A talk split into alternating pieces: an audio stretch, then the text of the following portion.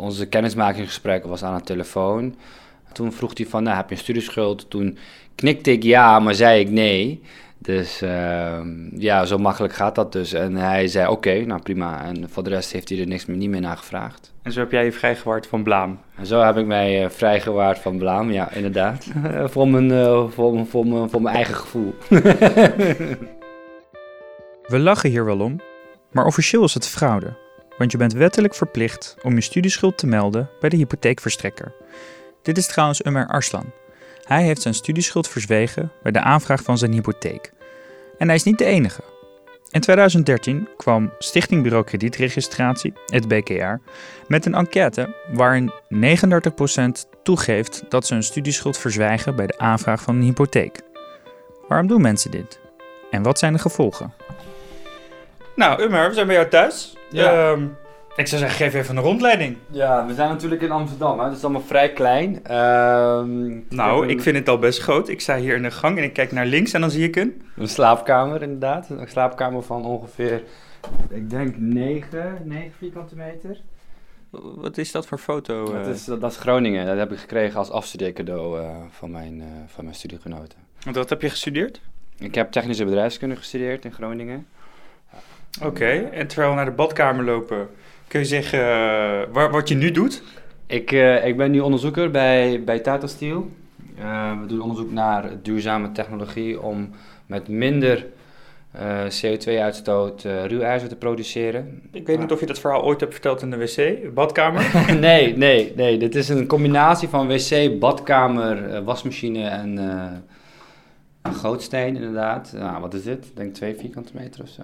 Is meer misschien? Umer laat mij zelfs de meterkast zien. We eindigen in zijn woonkeuken, die iedere dag zonlicht binnenkrijgt en waar we ook het interview houden.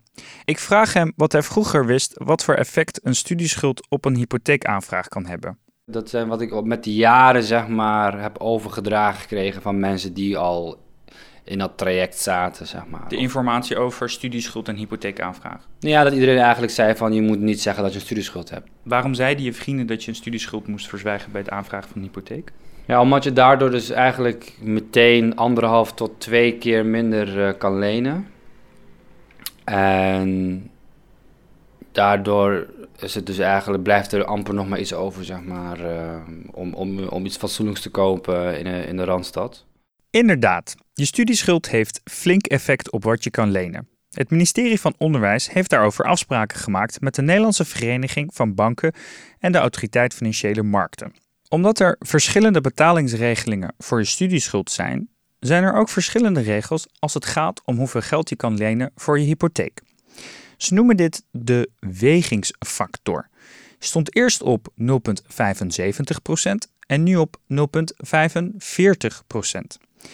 Dat zegt je natuurlijk niet zoveel. Ik geef je even een rekenvoorbeeld. Het betekent dat als je een studieschuld hebt onder het oude stelsel van 20.000 euro, je ongeveer 41.000 euro minder kan krijgen voor je hypotheek. In het nieuwe stelsel, met diezelfde studieschuld van 20.000 euro, krijg je ongeveer 25.000 euro minder. Wat dus inhoudt dat je afgetrokken bedrag altijd hoger is dan de studieschuld zelf. Terug naar Ummer. Hoeveel kon hij lenen door het verzwijgen van zijn studieschuld?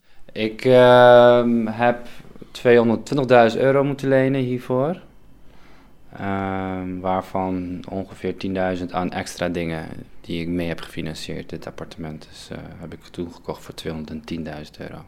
Groot bedrag? Ja, nee, ik heb het niet op mijn bankrekening staan, nee. nee. Gelukkig kan ik een hypotheek krijgen. Om aan het geld te komen gaat Ummer, net als de meeste Nederlanders, langs een hypotheekadviseur. Een hypotheekadviseur beoordeelt iemand op zijn kredietwaardigheid om te bepalen hoeveel die kan lenen om zijn huis te kopen.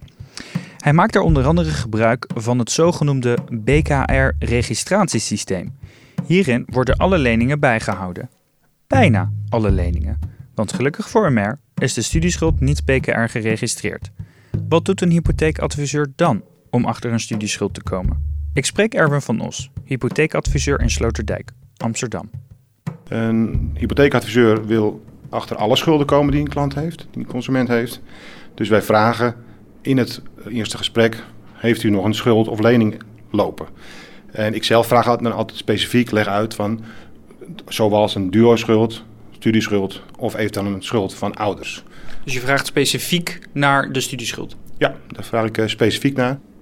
En welke middelen heeft u dan nog meer tot uw beschikking dan het vragen naar een studieschuld om tot die studieschuld te komen? In eerste instantie heb je niet zoveel middelen. Je doet het met een gesprek van de klant. In het gesprek, als je twijfelt van ja, er zou wel een schuld kunnen zijn, maar misschien denken ze niet aan of weten ze het niet, dan vermeld ik dat we ja, sowieso even een bankafschrift altijd opvragen om ja, de dingen te controleren voor ons dossier. Wat een hypotheekadviseur kan doen, is je bankafschrift controleren op afschrijvingen van Duo. Maar daar is een trucje voor. Je kunt je studieschuld op pauze zetten en dus een tijdje niet aflossen, zodat de betaling aan Duo niet zichtbaar is op je bankafschrift. Ik vraag aan hypotheekadviseur Erwin wat hij hiervan vindt. Nou, dat vind ik uh, in eerste instantie erg jammer. En ten tweede vind ik dat ook onverantwoord. Want een adviseur, die is ook verantwoordelijk en die bepaalt van wat kan er verantwoord lenen, wat is een verantwoorde hypotheeklast. En op het moment uh, dat hij niet alle uitgaven van zijn klant heeft, dan kan hij natuurlijk niet goed beoordelen of de hypotheeklast verantwoord is. Maar niet alle hypotheekadviseurs zijn zo netjes. Uit onderzoek van de Autoriteit Financiële Markten, de AFM, blijkt dat 1 op de 3 hypotheekadviseurs niet eens naar de studieschuld vraagt. Ik had het hierover met collega Meike en zij vertelde me dit verhaal ik zat daar en nou ja, dan ga je alles doorspreken. Hoe zit het met je inkomen? Hoe duur is het huis? Dus welke hypotheek wil je hebben? Welke hypotheek kun je krijgen? En ik was heel erg benieuwd van ja, hoe zit het dan met mijn studieschuld? In hoeverre wordt dat meegerekend? Um, hij was daar niet zelf over begonnen, dus ik vroeg hem dat. En toen schrok ik heel erg, want hij reageerde van nee, um, wat zeg je? Ik heb niet gehoord wat je zei. En toen dacht ik, oh, hoezo heeft hij niet gehoord wat ik zei? Dus toen zei ik het nog een keer, maar toen kwam ik erachter dat hij daarmee bedoelde we moeten het hier niet over hebben, want ik wil dit niet weten. Als jouw hypotheekadviseur gaat het hier gewoon niet over hebben, we laten die studieschuld buiten beschouwing. Waarom denk je dat hij dat deed? Ik denk eigenlijk dat hij gewoon dacht, uh, zolang we het er niet over hebben, hoeven we het niet mee te nemen. En kan het dus ook geen gevolgen hebben voor de hoogte van je hypotheek. Vreemd, zo'n hypotheekadviseur die het niet wil horen. Want er kunnen wel degelijk consequenties zijn aan het verzwijgen van je studieschuld. En de consequenties zijn niet voor de hypotheekadviseur, maar voor jou, degene met een hypotheek. Je hebt zoiets als een nationale hypotheekgarantie. Wanneer je echt in de financiële problemen komt en je huis moet verkopen en dan toch je hypotheek niet meer kan aflossen, dan springen zij bij. Tenzij je gelogen hebt. En dan zit jij met die restschuld. Hypotheekadviseur Erwin wil beter kunnen controleren of oud-studenten de waarheid vertellen en pleit voor openheid van zaken. Ik zou echt willen dat de schulden geregistreerd worden bij BKR. Omdat het dan ook voor ons duidelijk is van dit is er. Uh, we hoeven niet allerlei middelen te achterhalen om dat, uh, er toch achter te komen of een klant niet te vertrouwen. Het is gewoon open. Ik ben wel benieuwd wat directeur Peter van der Bos van het BKR hierover te zeggen heeft. En leggen de oproep van hypotheekadviseur Erwin aan hem voor. Uh, het is zo dat uh, de hypotheekadviseur die roept dat niet alleen op, maar ook de grootste consumentenorganisatie van Nederland, de Vereniging Eigen Huis, die heeft de overheid daartoe opgeroepen.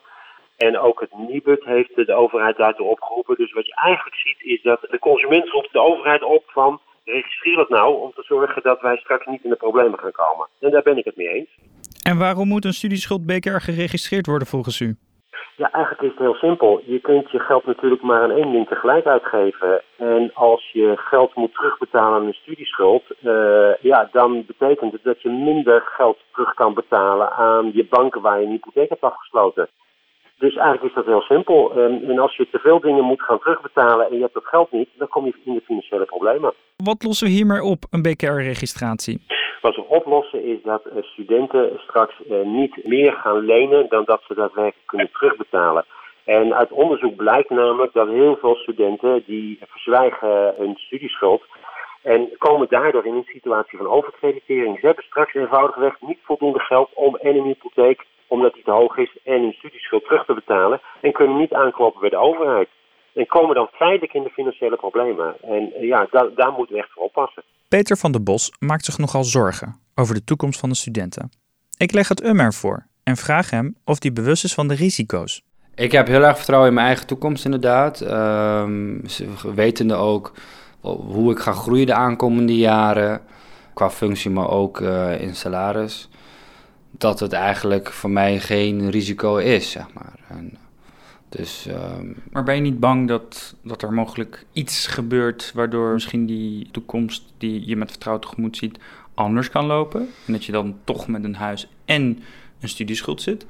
nee, dat denk ik niet. Het huidige appartement is nu alweer iets van 40.000 euro meer waard dan eh, twee jaar geleden. De kans is niet heel eigenlijk dat ik daar eh, door in de schulden zou komen. Ummer denkt dat hij het beter weet dan de hypotheekadviseur en Peter van der Bos. Maar zolang je studieschuld niet BKR geregistreerd is, is het verzwijgen mogelijk. Waarom is een studieschuld eigenlijk niet BKR geregistreerd? Ik vraag het aan het ministerie van Onderwijs, die de regels heeft vastgesteld. Ik krijg een schriftelijke reactie. Het ministerie van Onderwijs antwoordt dat dat is vanwege de sociale terugbetaalvoorwaarden. Een studielening is geen krediet waardoor iemand in de problemen kan komen. Vandaar dat dit niet wordt geregistreerd.